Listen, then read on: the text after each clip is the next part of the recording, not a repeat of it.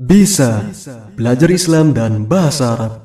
Inna anzalnahu Qur'anan Arabiyyan la'allakum ta'qilun. Sesungguhnya kami menurunkannya berupa Al-Qur'an dengan berbahasa Arab agar kamu memahaminya. Assalamualaikum warahmatullahi wabarakatuh. Alhamdulillah pada pertemuan kali ini insya Allah kita akan membahas tentang tanda isim, fi'il, dan huruf. Tak kenal maka tak sayang. Begitulah kata pepatah. Sebagai pemula dalam bahasa Arab, barangkali penguasaan kosakata kita masih sedikit ya, sehingga banyak kata yang tidak kita ketahui artinya. Oleh karena itu, penting bagi pemula untuk mengetahui dan membedakan mana fi'il, isim, dan huruf bila dilihat dari tanda-tandanya. Jadi tanpa mengetahui maknanya pun, kita akan tahu bahwa kata tersebut adalah fi'il, isim, atau huruf. Baik, yang pertama kita akan bahas tanda-tanda fi'il. Yang pertama, didahului oleh huruf qad. Artinya, sungguh dan juga terkadang. Jika huruf qad bertemu dengan fi'il madhi, artinya sungguh. Namun apabila huruf qad bertemu dengan fi'al mudhari, maka artinya terkadang. Semua kata yang didahului huruf qad merupakan fi'il. Contohnya, dalam lafaz iqamah. Qad qamatis sholah. Maka lafaz qamat merupakan fi'il. Kemudian, Qad aflahal mu'minun. Maka kata aflaha merupakan fi'il.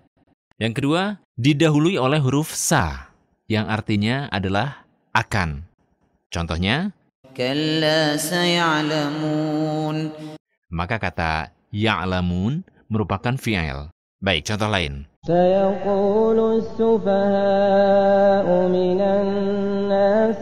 Maka kata yakul merupakan fi'il. Kemudian yang ketiga, didahului oleh huruf saufa artinya sama dengan sa, yaitu akan. Contohnya, maka kata ta'lamun merupakan fi'il. Selanjutnya, diakhiri oleh huruf tak ta'nith yang berharokat sukun. Contoh dalam lafad ekoma, Qad qomat as Karena kata qoma diakhiri oleh huruf ta yang berharokat sukun. Maka kata qomat merupakan fi'il. Jadi ini berlaku untuk semua kata yang diakhiri oleh tak berharokat sukun, maka itu termasuk fi'il. Selanjutnya, tanda-tanda isim. Tanda isim ada tiga. Yang pertama didahului oleh al. Semua kata yang didahului oleh huruf al, maka termasuk isim. Contohnya, Bismillahirrahmanirrahim. Ar-Rahim adalah juga isim karena didahului al. Kemudian alhamdu juga isim karena didahului oleh al. Alif lam di sini termasuk alif lam komariyah maupun alif lam syamsiyah. Yang kedua, bertanwin. Semua kata dalam bahasa Arab yang berharokat tanwin, domatain maupun fathatain atau kasrotain, maka kata tersebut sudah pasti isim. Contoh dalam Al-Quran, Rasulullah. Muhammad adalah utusan Allah. Maka lafal Muhammadun merupakan isim karena berharokat tanwin. Dan mungkin akan kita jumpai fi'il bertanwin dan juga fi'il yang ada al di depannya karena memang al dan tanwin merupakan tanda khusus untuk isim. Kemudian yang ketiga, didahului oleh huruf jar. Semua kata yang didahului oleh huruf jar disebut dengan isim. Lalu, apa itu huruf jar? Secara sederhana kita bisa mengatakan huruf jar adalah huruf yang membuat kata setelah huruf tersebut wajib dibaca kasroh. Meskipun kalau nanti kita pelajari tidak hanya kasroh, tapi khaf. Sementara kita pahami bahwa huruf jar adalah huruf yang membuat kata setelahnya menjadi kasroh. Lalu apa saja huruf jar itu? Huruf jar ada banyak ya, di antaranya min yang maknanya dari. Contohnya dalam Al-Quran,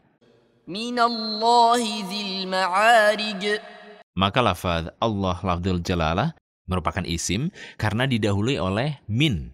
Maka lafaz Allah merupakan lafaz yang agung termasuk isim. Kemudian huruf selanjutnya adalah ila, artinya adalah ke. Contohnya dalam Al-Qur'an dan kepada langit bagaimana dia diangkat.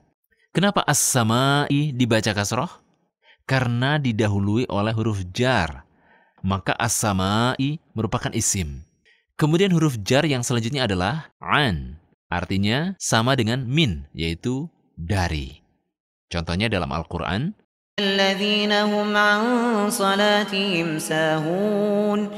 Kita lihat solati dibaca kasroh. Kenapa? Karena didahului oleh huruf an. Dan karena solati didahului oleh huruf an, maka solati merupakan isim. Huruf jar adalah ala, artinya di atas. Contohnya, dalam surat Toha, Allah yang Maha Rahman, Maha Pengasih, beristiwa di atas arsh. Maka lafad arsh merupakan isim karena didahului oleh ala. Kemudian selanjutnya huruf jar adalah fi, artinya di atau di dalam. Contohnya dalam Al-Quran. Kata suhafin merupakan isim. Kemudian huruf jar yang selanjutnya adalah rubba, yang artinya adalah sedikit sekali. Contohnya, rubba rujuling karimil laqituh. Sedikit sekali lelaki mulia yang aku jumpai.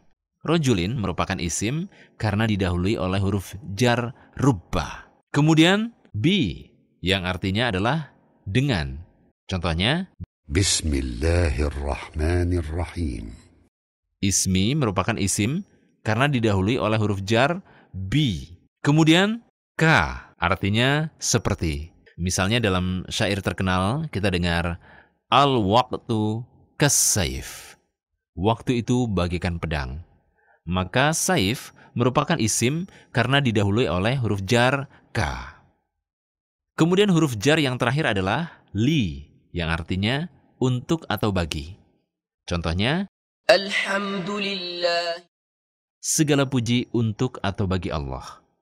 Maka lafad Allah merupakan lafad yang agung, lafdul jalalah termasuk isim. Kemudian kita bahas tanda-tanda huruf. Apakah huruf memiliki tanda-tanda? Jawabannya tidak. Justru huruf itu menjadi tanda isim atau tanda fi'il. Ada huruf yang menjadi tanda-tanda fi'il dan ada huruf yang menjadi tanda-tanda isim. Yang sudah kita bahas tadi adalah contoh huruf yang menjadi tanda khusus fi'il maupun tanda khusus isim. Ada beberapa catatan yang harus kita ingat bahwa semua yang memiliki tanda fi'il pasti fi'il. Tetapi tidak sebaliknya, begitupun dengan isim. Semua yang memiliki tanda isim pasti isim, tetapi tidak sebaliknya. Banyak fi'il atau isim yang ada dalam kalimat yang datang tanpa memiliki tanda-tanda fi'il atau isim. Terkadang kita bisa mengetahui suatu kata, termasuk fi'il atau isim, dari maknanya atau bisa dilihat dari bentuknya. Karena huruf, isim, terlebih lagi fi'il, memiliki pola atau bentuk yang khas yang mudah untuk dikenali. Insya Allah dengan mempelajari ilmu sorof, kita bisa membedakan mana huruf, isim, dan fi'il dilihat dari pola atau bentuknya. Demikian untuk pelajaran kita kali ini. Semoga apa yang saya jelaskan bermanfaat untuk semua. Wassalamualaikum warahmatullahi wabarakatuh.